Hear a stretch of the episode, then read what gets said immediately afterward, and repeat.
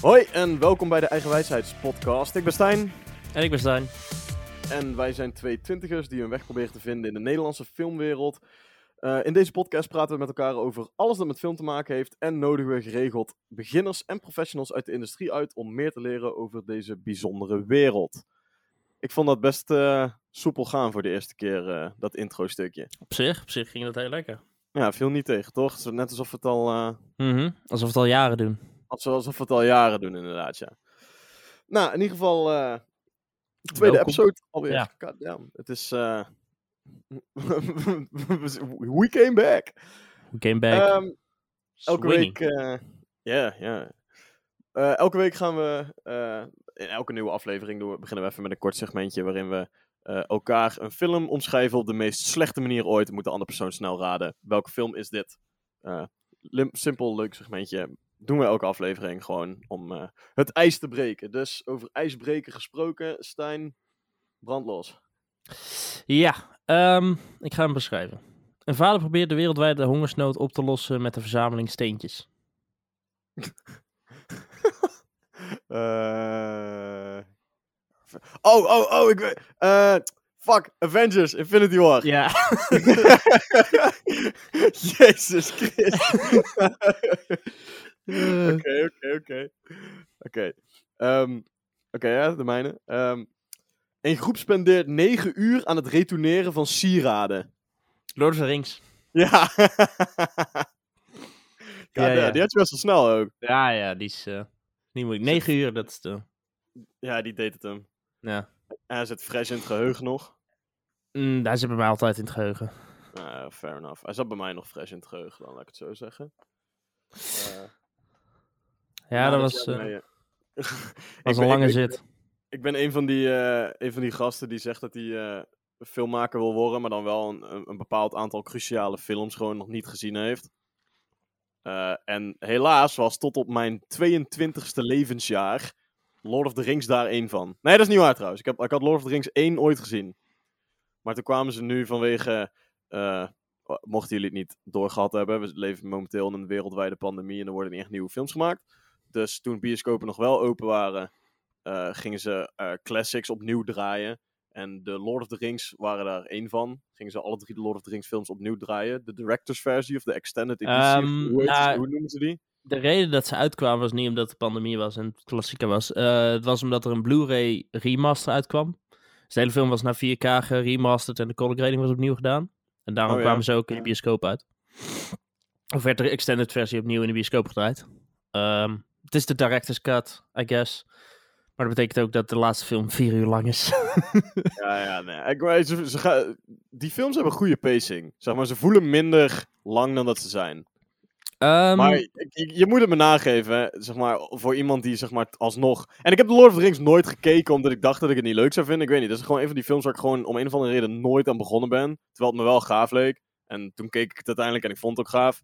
Dus, eh, ja, I don't know. Maar in ieder geval, voor de eerste keer meteen de director's cut. Eh, als we het doen, dan doen we het ook meteen goed. Dus, Ik denk dat het wel heel erg helpt dat jij nog wel een beetje fan bent van, van dingen zoals Star Wars. Zeg maar, als je helemaal niet into eh, fantasy bent of je niet echt de zin hebt om je daarin te verdiepen, of in ieder geval de tijd erin te spenderen, dan zijn die films echt te lang.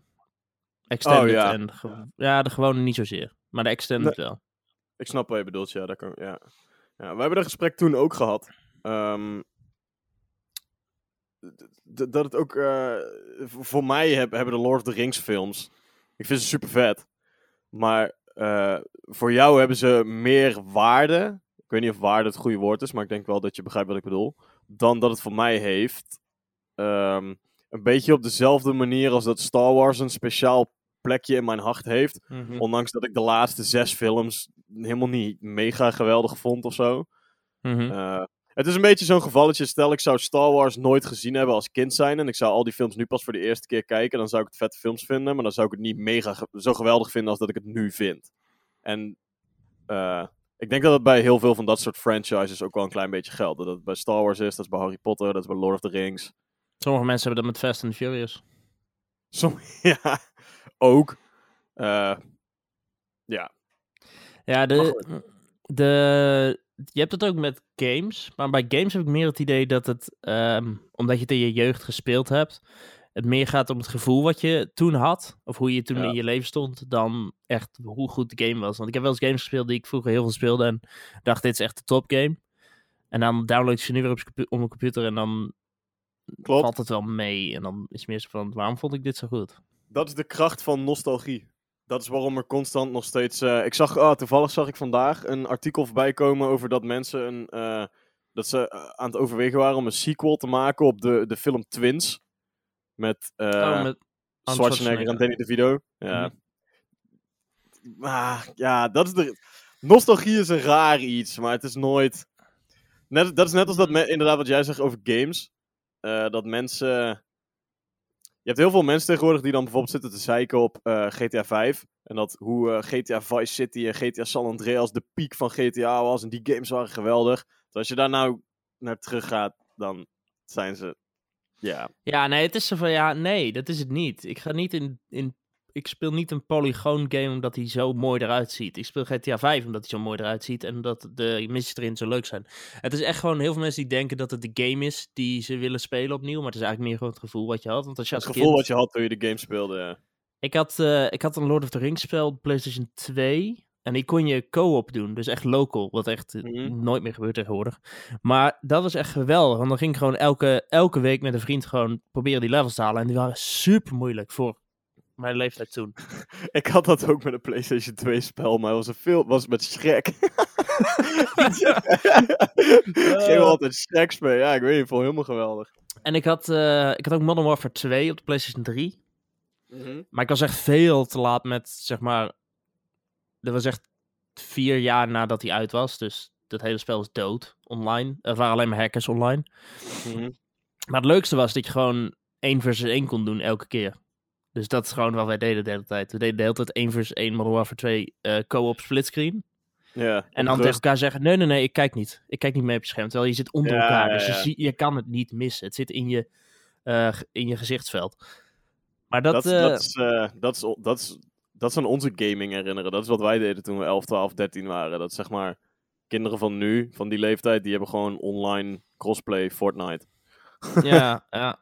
Ja, de eh, co-op was wel echt eh, een reden om Ja, naar iemands huis te gaan. San Andreas Ja. had dat ook. Yes. Hey, had je het, eh, heb je het een beetje meegekregen van het hele eh, GameStop gezever? Ik probeer het te begrijpen, maar ik snap sowieso niet zoveel van eh, de stokmarkt. Of ja, ik snap het een beetje, maar ik heb ook van die, van die uitleggen ge- gekeken van dummies. Van mensen die Mhm. er niks van snappen. Ja, lachen. Ik, ik snap het een beetje. Ik, ja, nou ja, ik, zou er nou, ik kan er nou op ingaan, maar op zich is niet zo belangrijk. Ik denk waar ik eigenlijk meer eh, richting wilde gaan met dit gesprek was. eh, die shit is nu eh, een week geleden begonnen of zo, als ik het goed heb. Ja, tegen de tijd deze aflevering uit is, is het al iets langer geleden. Maar in ieder geval vijf tot zeven dagen nadat alles begon, is er al gewoon een best wel gewoon uitgebreid plan om er een film van te maken. Had je dat meegekregen? Ja, ik had wel ergens gezien. Er waren een paar studio's over aan het onderhandelen wie die rechten ervoor krijgt of zo. Een Netflix-film volgens mij. Oh, door de Netflix zo. Maar In ik, ieder geval. ik ben benieuwd, eh, want hoe, je het, hoe ik denk dat ze het in beeld zouden brengen. Het is de meest lo- logische stap is om een documentaire te maken met allemaal experts die voor een camera praten en ondertussen beelden erom overheen. Nee, maar het wordt echt een fictiefilm volgens mij. Volgens mij willen ze echt meer de, de, een Wolf of Wall Street approach eh, nemen. Dat is wel lachen. Ja, maar snel man! Jezus! Als ik nou, ik Nou had even ja, snel gekeken. mm, Ze hebben eh, Mark Boyle. Ik weet niet of je het zo uitspreekt. Mark Boyle gaat het script schrijven waarschijnlijk. Hij heeft eh, Zero Dark Thirty heeft hij geschreven. Oké. Ehm, en ze hebben al een acteur, schijnbaar op papier staan, eh, die heeft in meerdere Netflix-films al gespeeld. Ik had er nog nooit van gehoord, maar hij is eh, Noah... Waarom hebben die mensen allemaal zo'n moeilijke naam hier is? Noah Centineo? Noah Oh Cent- ja, weet je, wie, weet, je, weet je waar die in speelt? Die speelt in allemaal van die romcom tienerdrama's. Eh de Kissing Ja. Booth. eh, Ah, ja. Oh, wacht, misschien ken ik hem. Wacht, ik ga hem even snel opzoeken. hij heeft echt een heel generic hoofd. Zijn hoofd is echt iets wat je echt 10.000 keer op TikTok voorbij kan zien komen. En dan is het dezelfde persoon. Ja, ik, ik denk inderdaad wel dat ik hem al ooit gezien heb. Ja, in ieder geval, hij, ik zou- hij speelde een rol in To All the Boys I've Loved Before. Hetzelfde als de Wat? Kissing Booth. Oké, ja, nou, dat waren dus allemaal... Hij heeft, hij heeft gewoon een vast contract bij Netflix, dus denk ik. Eh, maar Jezus Christus, Hollywood on top of his shit. God Ja, maar damn. ja, het is nee, allemaal pas ja. net gebeurd. We zitten er eigenlijk nog middenin. Het is nog niet afgelopen. Als en je gewoon kijkt boem, naar film. producties, hoe, hoeveel sneller die gaan, alles moet sneller. En de, die productie, die ze, ik denk dat deze productie binnen twee jaar begint. To be Mhm. honest. Anderhalf jaar. Dit, Zeg ik denk dat we dit zo snel mogelijk uit gaan brengen. Mm, weet ik niet. Ah, Ja, trouwens, misschien- dus moet, ja, Jaartje. hangt er vanaf hoe serieus het nemen. Maar als je kijkt naar bijvoorbeeld, bijvoorbeeld Lord of the Rings, die zijn begonnen met concept art vijf jaar voor de eerste film. Ja, maar films zoals Lord of the Rings worden niet meer gemaakt, man. Nee, nee.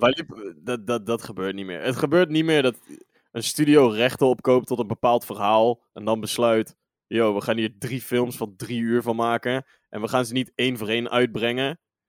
Nee, we nemen gewoon alles in één keer op. En dan brengen we het zoveel jaar uit elkaar, brengen we het uit. Die, dat gebeurt niet meer. Dat is, dat is wat keer- ze bij, bij de laatste keer Star Wars hadden moeten doen. Maar niet gedaan hebben. Ah, het is één keer nog gebeurd. Met de Hobbit. Die hebben het ook back-to-back opgenomen. Maar dat Ja, was omdat en- ze gewoon dachten van... Oh, we doen gewoon hetzelfde. Maar dan alles CGI. Dus dan is het goedkoper. Ja. Dat lukt je wel, Peter Jackson. You can Ja. do it. Nee, maar ik, eh, nou ja, ik, vond er wel, eh, ik vond dat opvallend nieuws. eh, Mhm. Dat van, ja, van die stockmarketfilm. Ik heb nog een, een quizvraag voor je. Misschien weet je dit. Ehm, er is een Netflix-serie nu. Dat is een, een soort eh 20 minuten episode, stuk 6 met Nicolas Cage. The History of Swear Words. Dus de geschiedenis van scheldwoorden. Mhm. En in elke aflevering eh, behandelen ze zeg maar een scheldwoord. En eh, ze, ze vertelde daar wie de meeste scheldwoorden onscreen heeft. Dus wie het meest heeft gescholden in films, in al zijn films. Alle woorden bij elkaar. Welke mannelijke acteur denk je dat op nummer 1 staat? Shit, wacht. Volgens mij heb ik dit ooit een keer ergens gelezen. En toen, toen het meest voor de hand liggende antwoord was niet het goede antwoord, volgens mij. Of juist wel. Ik weet het niet meer. Was het Samuel L. Jackson? Nee, die staat derde. Ja, precies. Inderdaad. Dat was het. Ik dacht dat het Samuel Jackson was. Maar het was hij. Shit, wie was het ook alweer? Want het is wel een bekend team. Echt een. gewoon, ik ken Het hem. is een bekend iemand, ja. Ja, ja, ja. Ah, hmm, lastig, lastig, lastig. Was het een voor de hand liggend iemand? Eh, het is van een film die je in deze episode van deze podcast hebt genoemd. Acteur. Wa- Wat, DiCaprio? Die staat op twee. Jonah Hill? Ja. Wat staat Jonah Hill op één? Jonah Hill staat op één. En die guy heeft echt maar acht, negen films op zijn naam zo waar hij in acteert.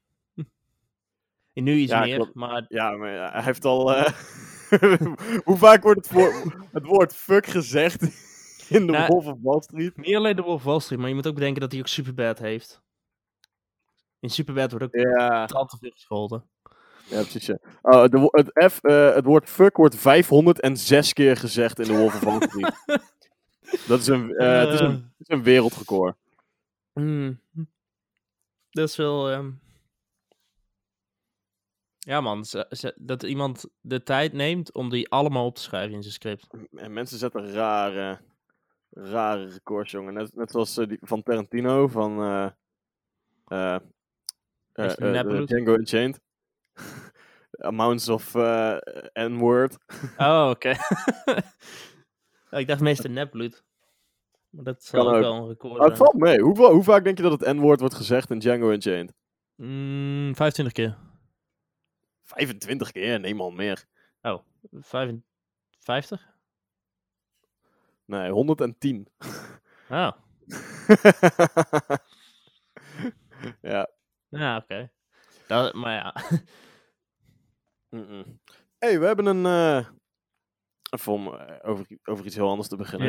Ja. Een beetje weg van Hollywood, meer terug naar eh, ons eigen proces in deze hele wereld. Ehm, we hebben een docu gemaakt.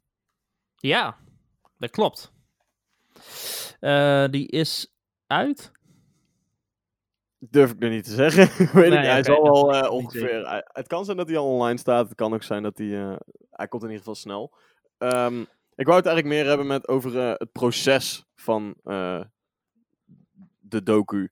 Eh, hoe varieert dit in tegenstelling tot. wij zijn natuurlijk wij zijn fictiemannen. We Mhm. hebben korte films en zo gedaan. En op, fictiesets gestaan en zo. dat is waar onze interesse ligt, fictie. Docu is niet echt iets waar wij bekend waren of zo. Dus we hebben onszelf een beetje in het diepe gegooid. Ehm, Ja, de manier Ja, waarop nou- we het hebben gedaan is een beetje eh, waarschijnlijk niet de manier om een docu te maken. Ehm, het ding is dat wij en een film aan het produceren waren en tegelijkertijd ook onze eigen docu aan het bedenken waren. En onze eigen docu bedenken hield in, we geven iemand een camera en die filmt terwijl we aan het werk zijn. That's it. En dat betekent dat je dus achteraf pas je verhaal gaat zoeken.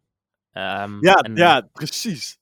Het is, goed dat je dat, eh, het, is goed, het is goed dat je dat zegt, want dat was inderdaad eh, het ding waar ik op wou, wilde, wilde aanhaken. En dit is een gesprek wat ik ook eh, met eh, Nick gevoerd heb. Nick was onze cameraman voor onze eerste korte film. Ehm, het grote verschil tussen. eh, nou, niet, dit geldt niet, lang niet voor alle documentaires hoor, maar dit is meer op documentaire van toepassing dan op fictieprojecten. Het, eh, een, groot verschil tussen fictie en docu is dat je heel vaak bij. Kijk, bij fictie, je hebt van tevoren een verhaal en dat verhaal ga je verfilmen en dat komt dan in de edit en bla bla bla.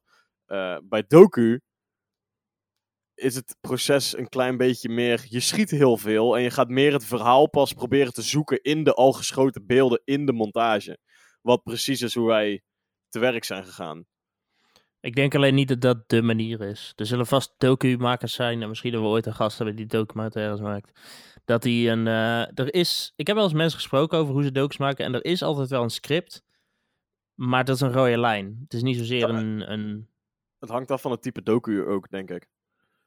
Want Ja. inderdaad, zoals wij het aangepakt hebben bij, eh, bij die van ons. Oké, onze docu is. eh, wij hebben eh, een jaar geleden, anderhalf jaar geleden, hebben wij onze eerste korte film gemaakt. Dat was Godweiler. Dat was de eerste keer dat wij eh, zoiets hadden van. Goh, we gaan een korte film maken, echt op professioneel level. We gaan een aantal professionals erbij halen, professionele set, et cetera, et cetera. Omdat het voorheen was het alleen maar gewoon met een aantal vrienden en acteren in elkaars dingen. Dus nooit met echt acteurs. En gewoon een camera die we nog hadden liggen. En met duct tape en visdraad en greenscreens. En gewoon alles een beetje in elkaar knoeien. Gewoon niet, niet echt professioneel, maar gewoon een beetje ja, knoeien, knutselen. Mhm. Ehm, en toen zijn we Rotweiler gaan doen. was de eerste keer dat we echt iets professioneels gingen doen.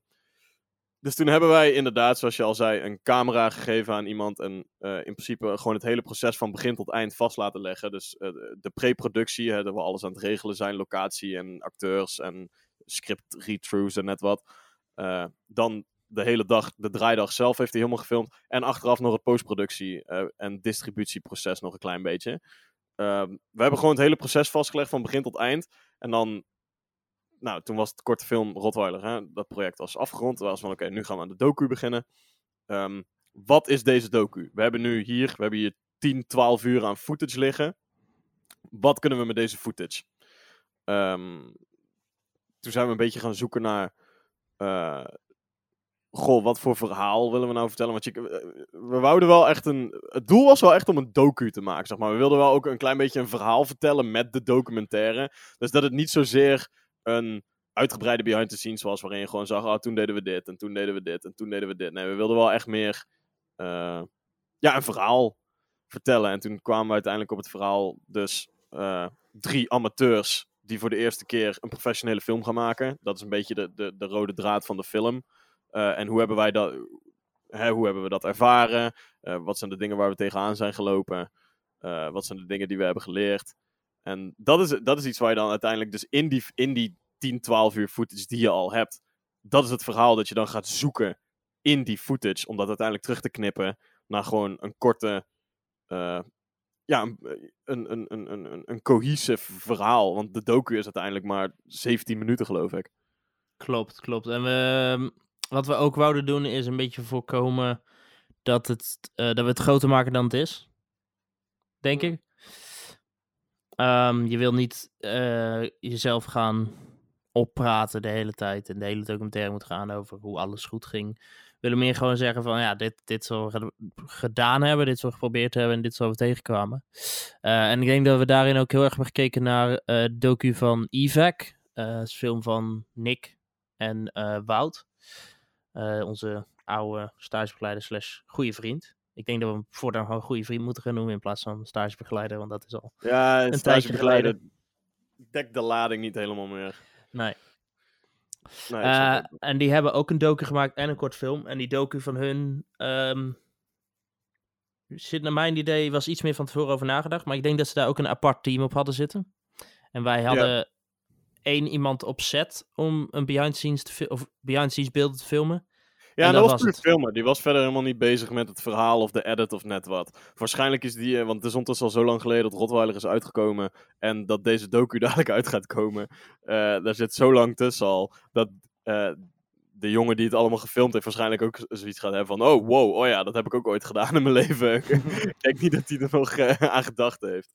Ja, en het is ook zo dat we dit project misschien een beetje te vaak naar achter gepusht hebben, omdat het niet een prioriteit had. Want Ja. eerst zouden de... ehm, Eerst moesten we de film afediten. Nou, toen hadden we dat gedaan. Toen hebben we opnames gemaakt voor de docu. Want met alleen de beelden die gemaakt waren, hadden we niet genoeg. Dus we hebben onszelf een soort van geïnterviewd. Wat ook Mhm. een eh, apart iets is om te doen. Eigenlijk was het een beetje zoals nu, een podcast, maar iedereen praat gewoon- tegen een camera in plaats van tegen elkaar. Ja. Ehm, en ook daar was het weer zoeken naar wel- welke vragen gaan we eh, zelf beantwoorden, die we aan onszelf stellen. Ja, wat, wat is interessant voor de kijker? Kijk, we kunnen wel. eh daar moet je een beetje een goede balans in vinden. Als je zo'n documentaire gaat maken. Een documentaire is best wel. eh, moet breed toegankelijk zijn. Tenminste, dat wilden wij. We wilden geen eh docu maken die, die alleen interessant is voor mensen die echt in de business werken. Hetzelfde geldt voor deze podcast. We proberen alles wel een klein beetje zo te nuanceren dat het voor iedereen te begrijpen is. Ehm, en dat geldde ook voor die docu. Dus dan was het voor ons, dat was een beetje zoeken naar, oh, hoe gaan we eh, een verhaal vertellen wat niet super technisch is en wat niet alleen maar termen en uitdagingen heeft, die alleen voor ons interessant zijn. Hoe gaan we het, ja, het grotere plaatje, dat het gewoon iedereen, voor iedereen te begrijpen is. Ja. Klopt, ja. ja en ehm, Ik probeerde ergens te, ko- te komen met mijn verhaal, maar ik dacht, ik, ben, nou, ik val in de herhaling nu. ja, en we hopen dat dat eh, gelukt. Ik denk ook dat hij wel, hij is er beter uitgekomen dan ik had verwacht. Ik heb natuurlijk al eh, een de hele docu gezien. Ehm, ja, had je En ik hoop, verwacht? ik had, ja, ik weet niet, ik, ik vond gewoon de beelden, de behind the, scenes, behind the scenes beelden zijn ook niet van de hoogste kwaliteit. Het is allemaal met telefoons, een DSLR hier en daar. DSLR is trouwens gewoon een fototoestel dat ook kan filmen. Eh, dat is even de simpelste beschrijving die ik er aan kan geven. Ehm, en het is allemaal niet van de hoogste kwaliteit, maar dat maakt op zich niet uit, want dat geeft ook wel een beetje het idee dat we niet professionals zijn, maar meer gewoon drie jongens die wat proberen. Ja, ja en, het, en het scheelt, kijk, het was een docu die. eh, de docu bouwt echt op, eh, op het verhaal achter de docu.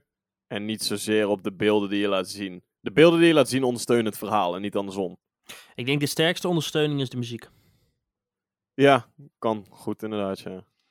Ja, ja ik ben heel benieuwd. Wij zijn op dit moment, eh, op het moment dat we deze podcast opnemen, is eh, de montage is klaar, de kleuren zijn bewerkt en we zijn eigenlijk aan het wachten nu totdat eh, de, alle audio afgemixt is.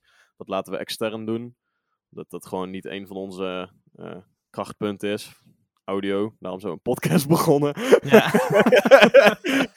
Vallen en opstaan, we leren, we leren, Ja, we leren. Als het goed is de audio-kwaliteit van deze episode ook beter als die van de vorige. Ja. Ehm, Ja. Dus dat is, eh, bear with us. De audio is totaal niet ons ding, dus dat, eh, dat is een beetje eh, leren met vallen en opstaan. Maar dat komt wel goed.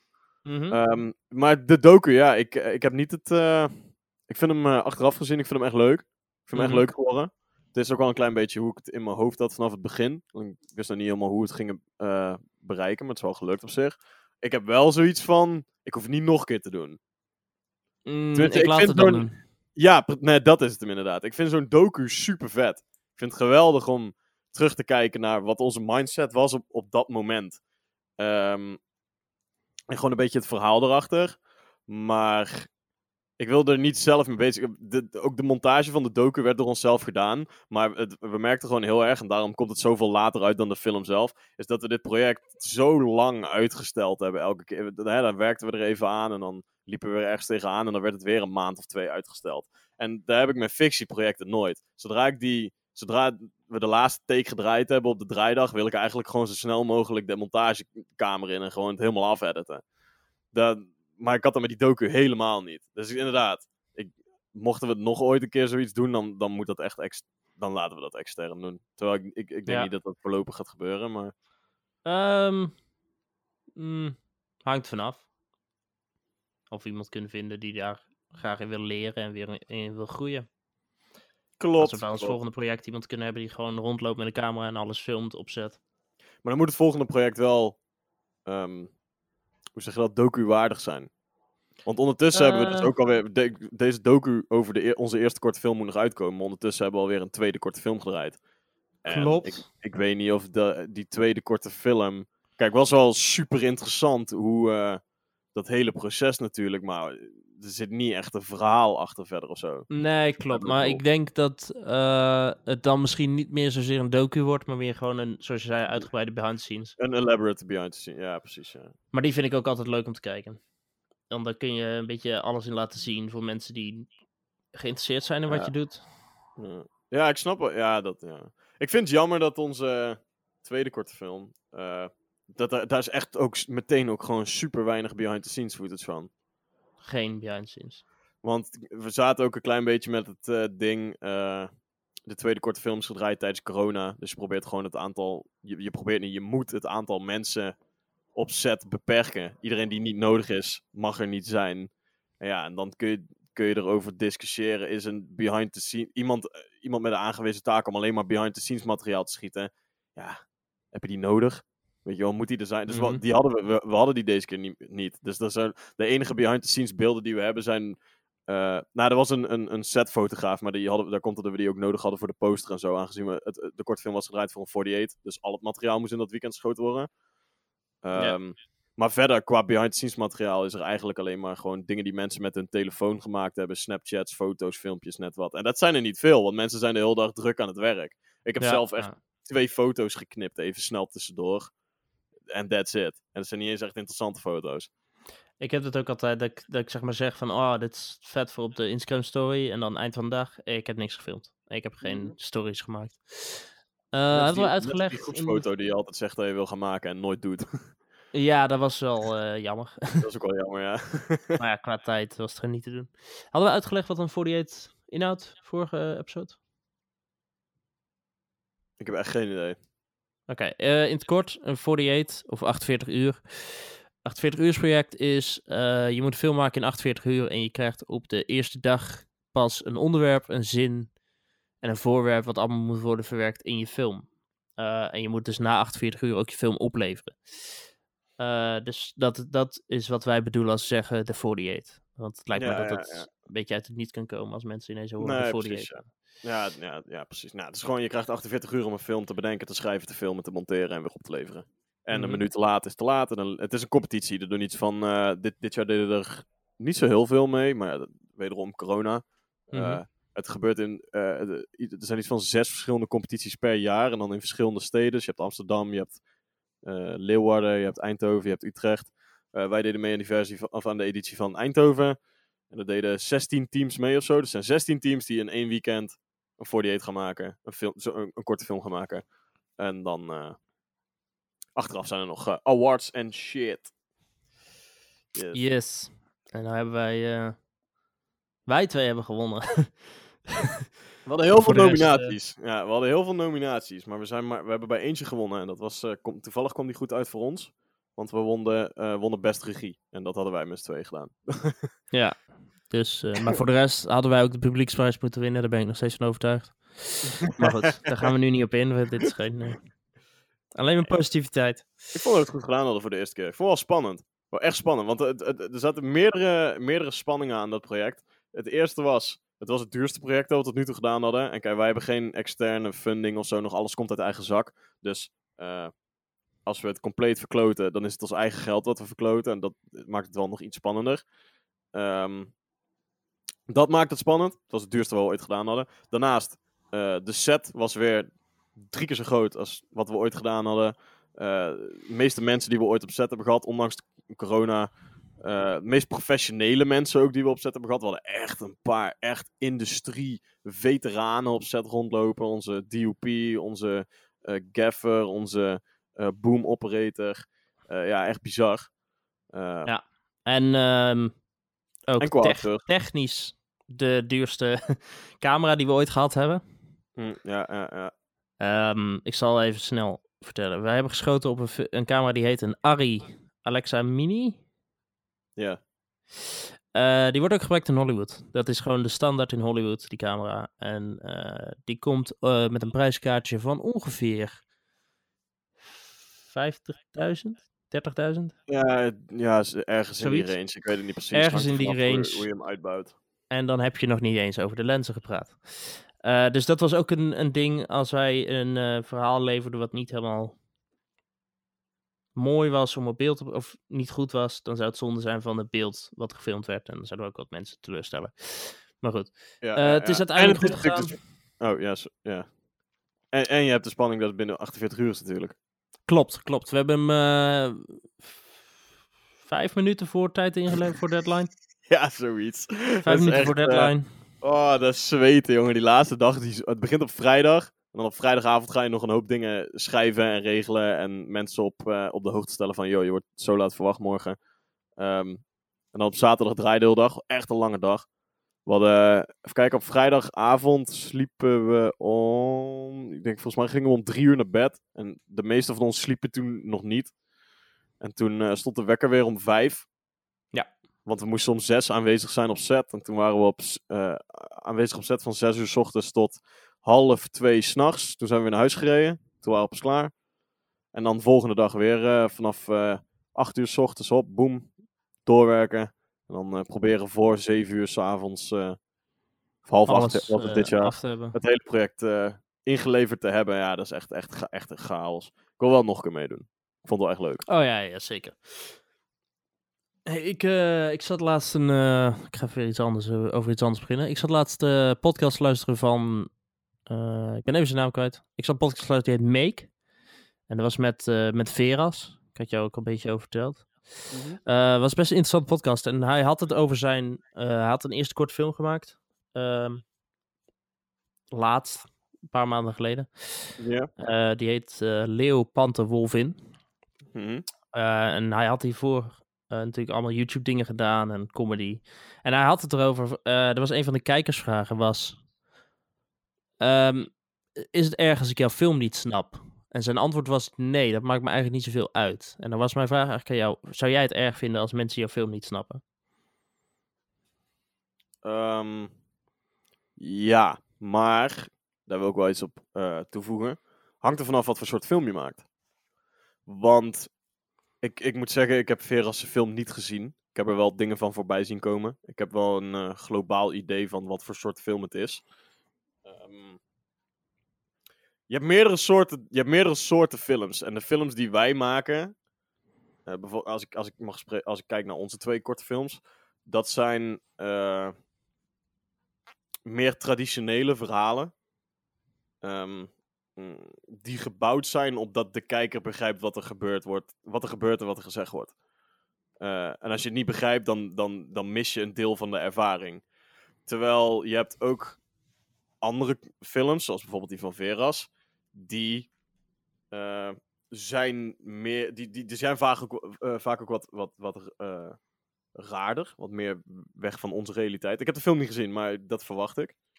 Dat het bij film ook was. ja, zijn fil de film, de film, zoals hij het zegt, is elke kijker kan zijn eigen in of zijn eigen uitleg geven voor wat, wat er gebeurt en wat elk karakter eh, representeert. Nou, dat, dat, dat is waar ik probeerde te komen, inderdaad. Dus sommige films zijn gewoon gebouwd op eh, eigen interpretatie van de kijker. En andere films zijn meer op de traditionele manier. Dit is een verhaal. En als je een deel van het verhaal niet snapt, dan mis je een deel van de ervaring van het kijken van deze film.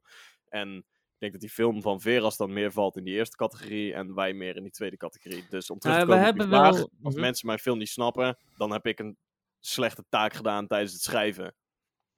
Nou, kijk, we hebben wel eh, volgens mij het een keer over gehad of mensen de monoloog, er zit een monoloog in Rotweiler, of mensen de dubbele laag snappen. En we hebben daar niet eens een heel diepe dubbele laag. Het is meer gewoon eh, ons hoofdkarakter praat in metaforen over eh, de, de hoofdantagonist, dus de slechterik.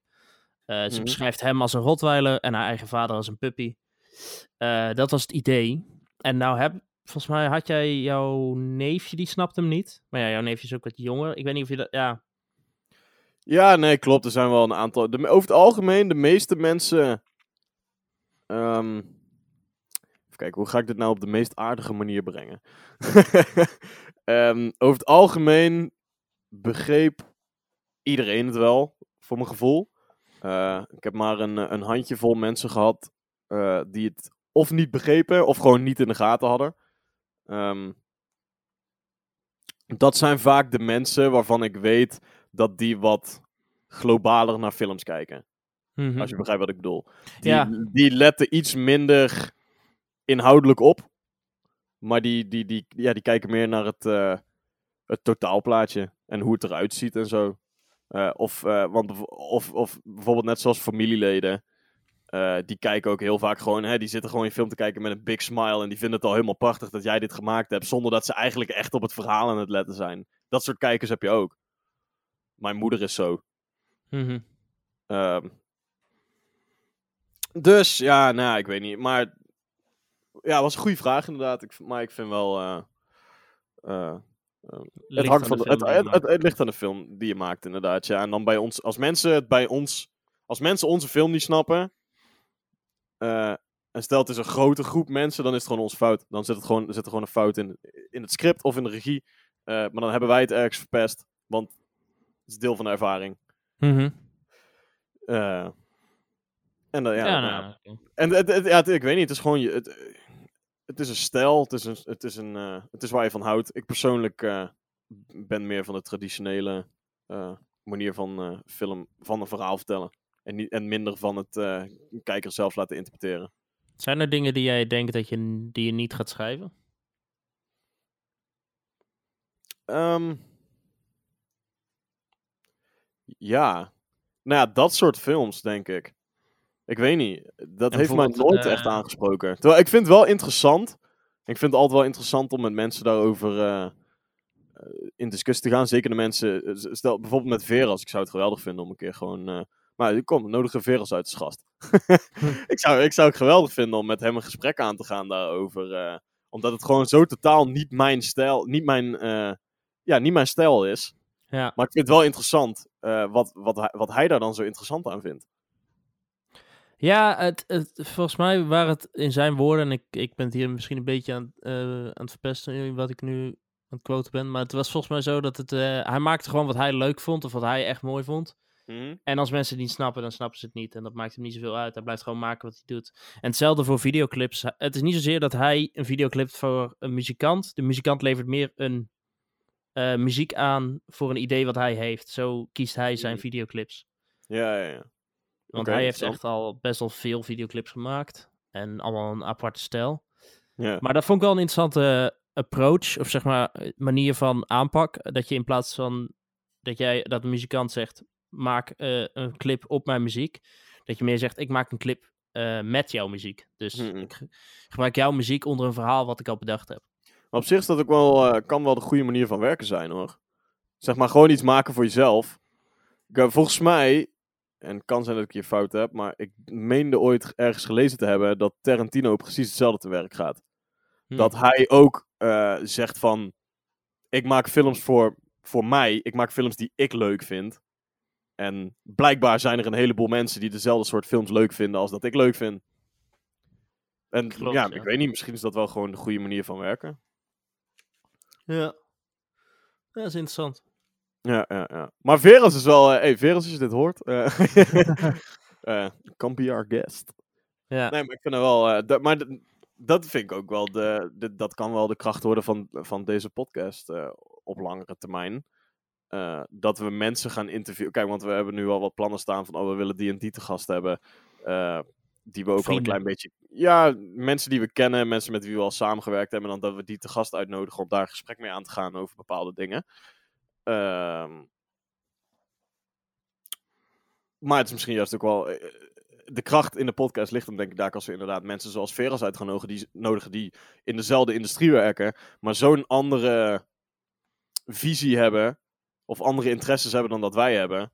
En om daar dan eh, het gesprek mee aan te Ik vind het wel interessant. Klopt, want het is ook zo. Kijk, Veras, mensen als Veras en bijvoorbeeld Peter, eh, Peter de Harder van Cinemate, Mhm. die, die zijn al zeg maar ons, maar dan stappen verder. Veel, veel meer jaren vooruit. Kijk, ze, hebben- zij hebben ook, zijn allebei begonnen op YouTube met gewoon kleine sketches maken. En Peter de Harder dan meer met VFX eh, sketches en Veras meer met comedy sketches.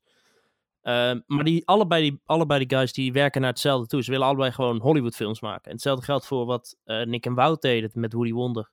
Mhm. Ehm, En de nieuwe die hebben, allemaal, die hebben allemaal een, een heel ander pad gelopen. Alhoewel ik denk dat Peter en Veras misschien een beetje in dezelfde richting zijn gegaan. Ja. Eh, Amsterdam. Ja, ja, dat wel. Nee, maar de- ik, ik snap wat je bedoelt. En ik weet niet, ik, ik, ik denk dat eh, inderdaad mensen zoals Veras, Nick, Wout, Peter, maar ook wij, we zijn jong, we hebben een passie. eh, we vinden niks op deze planeet vetter dan film.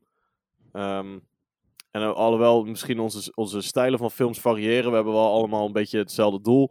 En ik denk dat we gewoon uitmaken van een soort nieuwe generatie aan filmmakers. Wij zijn die, wij zijn die generatie. Want in principe zijn wij de eerste generatie. Nou, dat is niet helemaal waar. Maar eh, toen wij jong waren, werd het net makkelijk voor de consument om zelf goedkoop iets te maken. Zeg maar. Eh, camera's waren super makkelijk betaalbaar. Elke computer had er wel standaard een editing software op zitten. Ook al was maar heel klein, daar leer je wel de basics. En daar ontstaat eh, iets waar je de rest van, een fundering waar je de rest van je leven op bouwt.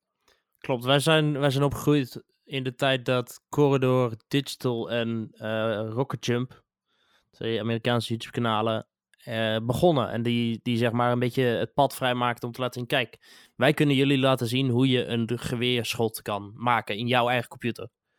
En Ja. natuurlijk konden wij dat toen niet, want we hadden geen computer, we hadden die, die software niet. Maar ik denk dat eh, wij zeg maar een soort tweede lichting zijn van wat hun allemaal deden. En wij het nog makkelijker hebben dan hun. En waarschijnlijk de mensen na ons het nog makkelijker gaan hebben dan ons. En ik denk dat dat zo door blijft Ja, gaan. dat, dat blijft exponentieel zo eh, toenemen, inderdaad. Ja, dat Tot er weer iets, iets nieuws gebeurt. Wat echt gewoon next. Zoals dat deepfake wat er nu is. Deepfakes, dat is. Ik denk dat wij nu weer de eerste generatie deepfake eh, vanuit je huiskamer eh, zijn. Dus waarschijnlijk over vijf jaar zullen er mensen zijn die het nog makkelijker kunnen maken dan ons. Oh ja, over vijf à tien jaar. Gewoon zo'n zo'n deepfake waar je nu een computer voor moet laten renderen voor echt een week of twee. Zo'nzelfde deepfake maak je over vijf, tussen de vijf en tien jaar gewoon op je telefoon in echt een minuut. Ja, en Zo, in principe, zo, maar zo ja. is dat, met, dat is gewoon, dat is technologie. Zo Dat gaat is dat. technologie. En eh, het is ook, ik denk niet zozeer dat technologie iets is wat eh, jou beter maakt, per se. Het is meer gewoon wat je ermee doet. Mhm. Dus eh, jij kan best zeggen dat je over vijf jaar After Effects eh, binnen een week weet of zo. Ik weet niet. Maar dat maakt jou niet meteen be- beter dan wat wij doen. Daar zit Ja. ik wel vaak over na te denken hoor. Dat er jongere mensen zijn eh, die nu al verder zijn in wat ze aan het doen zijn dan wat ik aan het doen ben. En er was een tijd waarin ik dat heel erg ja, jammer vond of stresste een beetje. Omdat ik dacht van ja, als ik dat nu niet leer of als ik nu niet iets doe waardoor ik een stap op hun heb, dan, dan red ik het niet. Maar ik, ja, dat heb ik een beetje losgelaten. Ik weet niet hoe jij daarin staat. Eh, nee, ik snap heel goed wat je bedoelt. Maar.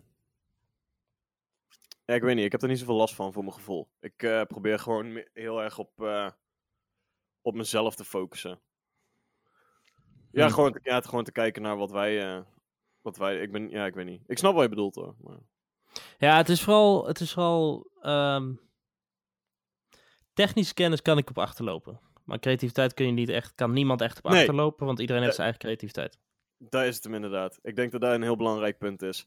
Eh, zeker het maken van... Ja, het hangt er vanaf natuurlijk wat je wil gaan doen binnen film. Eh, ik weet dat jij nu in ieder geval DP-ambities hebt. Dan is techniek natuurlijk wel alweer een stuk belangrijker. Mhm. Ik zelf heb schrijf- en regie-ambities. Dat is niet echt een. eh, dat zijn geen technische dingen. Dat is gewoon een, een, een bepaalde manier van. eh, daar heeft sowieso iedereen zijn hele eigen stijl in. Kijk, je kan er wel een hoop boeken en zo over lezen. En dat doe ik ook zeker. Over hoe anderen het aanpakken. Maar uite- uite- uiteindelijk ontwikkel je toch een beetje je soort eigen manier van werken. eh, daarin. Dus daarin kan je wat in mijn opzicht ook niet echt voorlopen. Nee, Ja, nee, ja, je snapt wat ik bedoel. klopt. Hey, een laatste ding waar ik op wil inhaken. En dan eh, sluiten we de tweede aflevering alweer af. is goed. Jazeker. Ehm ben jij bang voor de toekomst van eh, bioscopen? Ehm, Momenteel? ik denk wel dat er iets gaat veranderen. Ik weet niet wat. Ja. Maar ik denk dat het de bioscoop zoals het was voor de hele corona gebeuren niet meer terug gaat komen. Ik denk dat bioscopen iets gaan doen waardoor ze ingedekt zijn tegen een mogelijk nog een pandemie. Hm? Ehm, of de bioscoop wordt duurder. Het dat gaat daar ook. gewoon meer hand in hand met streamingdiensten, denk ik. En ik weet niet wat ik daarvan vind. Of ja, ik weet wel wat ik daarvan vind. Vind ik jammer, want ik, de hele, het hele bioscoopervaring is gewoon, dat is gewoon iets anders. Ja, dat is niet, dat is niet Dat te niet- recreëren met thuis op de bank. eh, en dan, Thuis oh, even op pauze, ik moet naar de wc. Ja, eh, Ik bedoel, als jij kijkt naar bijvoorbeeld zo'n film als, als Tenet, die de laatste dingen, die ga je niet op je telefoon kijken. Dan, dan krijg je hem niet mee. Dat is hetzelfde als wat je zei van, je hebt oplettende kijkers en niet oplettende kijkers. Ook al ben je een oplettende kijker en je zit op je telefoon Tenet te kijken, dan ga je dingen missen. Ja, men- mensen zijn eh, media. eh, shit, ik kom niet op het woord. Eh, verwend. Ja, Mensen zijn media verwend tegenwoordig. Het is zo makkelijk om een stukje media te consumeren tegenwoordig. Oh, je wil iets zien. Je gaat op, je gaat op YouTube, Videoland, Netflix, Facebook. Je kan, je kan overal kan je gewoon pieces of content. En eh, ik weet niet, ik, ik, vond, eh, ik vond het altijd wel mooi aan film. eh, de hype na een release van een film waar je naar uitkijkt. En dan, oh, je gaat in de zaal zitten en de lampen gaan uit. En, dat en zo'n huge ass scherm gaat aan met goede speakers overal rond je heen. En je ervaart gewoon met gewoon een stuk of 100 à 200 mensen die tegelijkertijd met jou in die zaal zitten. Ervaar je voor de eerste keer die film. Het is echt een evenement. En ja, dat valt gewoon in mijn, voor mijn gevoel enorm weg als eh, bij streamingdiensten. Want Klopt. dan heb, ik ook, dan heb ik ook bijna meteen zoiets van, ik heb niet de neiging om dat meteen op dag 1 te kijken. Ik weet niet, ik kijk wel gewoon een keer whenever als ik er tijd voor heb. Want ja, ik kan het kijken wanneer ik er tijd voor heb. Ik hoef dat niet in te plannen. Het is gewoon, oh, nu heb ik twee uur vrij, ik ga het nu checken. dat was ook wat we, we zaten laatst op WhatsApp een, eh, een, eh, een filmparty te plannen. Wat we wouden gaan doen, hè. Gewoon eh, fysiek Mhm. met elkaar een film kijken. Ik zat te denken hoeveel makkelijker het zou zijn geweest als er een bioscoop open was. Want we Oh, zitten ja. nu gewoon met waar doen we het, wie neemt er wat mee, hoe gaan we het doen met, neem een beamer mee of doen we het op een tv of... De, eh, de bioscoop haalt het allemaal weg. Je kan gewoon zeggen, dan en dan, daar, betaal zoveel en we, we kijken een film samen. Ja. Ja, het is gewoon een heel andere ervaring. Ja, ik ben benieuwd, man. Het zou echt zo... eh, Ik zou het jammer vinden. Kijk, ik snap, ik snap waar, waar de studio's momenteel mee zitten. Ik snap dat ze nu een heleboel films eh, op voorraad hebben waar ze vanaf moeten. Want hoe langer ze het bij zich houden, hoe meer geld dat het zich kost. Dus ze moeten het gaan uitbrengen. Ja, als de bioscopen niet open kunnen, dan maar op een streamingdienst. Dat is volkomen begrijpelijk. Ik zou het super jammer vinden als dat eh, de nieuwe standaard wordt. Ook dadelijk eh, na corona. Als dit allemaal Ja, voorbij is. Klopt. Dat zou ik echt enorm jammer vinden. Ik weet niet, ik vind de bioscoop eh, gewoon... Maar, het is een beetje een soort kinderdroom om een bioscoopfilm te maken. Het is geen kinderdroom om een Netflix-film te maken. Nou zeg ik niet dat ik... als ik de deal zou krijgen, zou ik geen nee zeggen. Maar het, het heeft gewoon iets speciaals om gewoon je film op... Op groot ook te zien. Ja, Ja, ja, en als ja. dat zou verdwijnen, zou ik echt super jammer vinden. Klopt. En ik denk ook, eh, ja, het ding is niet alleen dat ze zeg maar te veel films over hebben nu en dat ze vanaf moeten. Het is ook gewoon dat eh meeste studio's nu gaan merken, wow, we kunnen de films veel makkelijker naar mensen brengen. Dus krijgen we nog meer mensen die onze films zien, die nog meer die ervoor betalen. Ja. Waarom doen we dat niet gewoon? Dus daar ben ik vooral bang voor dat ze dat als reden gebruiken om minder in bioscoop uit te Ja, brengen. nee, het gaat alleen maar om geld verder natuurlijk. Dus eh, we gaan het zien. Ik denk dat we hem eh, af moeten sluiten bij deze. Ja. Tweede episode in the pocket.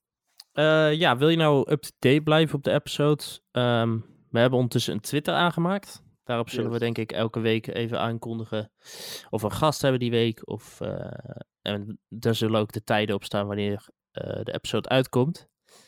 Dus eh, ga ons volgen op Twitter. At, oh, dan moet ik even kijken. EWH laagstreepje podcast. Afgekort Eigenwijsheid podcast. yes, yes. At EWH laagstreepje podcast op Twitter. Eh, daar kan je inderdaad ons volgen. Zullen wij updates posten wanneer er nieuwe afleveringen zijn. Of wanneer we een gast gaan hebben in de nieuwe aflevering. Eh, verder kun je daar ons natuurlijk altijd naar tweeten als je iets, wil, iets, iets op te merken hebt aan dingen die wij gezegd hebben in onze afleveringen. Of als je een idee hebt voor gespreksonderwerpen voor een eventuele volgende, eh, voor, een, voor een volgende aflevering. En dan eh, zullen we je naam er waarschijnlijk ook wel bij me noemen als je dat wel of niet wil. Wat jij wil. Of eventuele vragen. die kun je ook stellen als we die, als we die week een gast hebben. En jij denkt, oh, ik heb altijd al willen vragen aan die gast dit. Dan kun je die ook stellen. Juist. Dus ja, dat was hem. Eh, we uploaden elke maandag om 6 uur, of nee, 7 uur. Zeven uur. Nee, ik maak elke maandagochtend om 7 uur een, eh, een nieuwe aflevering. Het is voor ons ook allemaal nog een beetje, een beetje nieuw. Je, je merkt dat we zo van, eh, wanneer uploaden we? Is dat 6? Dat 7? Nee, het is 7 uur. Dat is even, even inkomen, oké? Het is met Ja, vallen en opstaan, zoals ik al een paar keer heb gezegd, deze aflevering. Elke maandag, 7 uur s ochtends, nieuwe aflevering, Eigenwijsheid podcast. Dat was hem.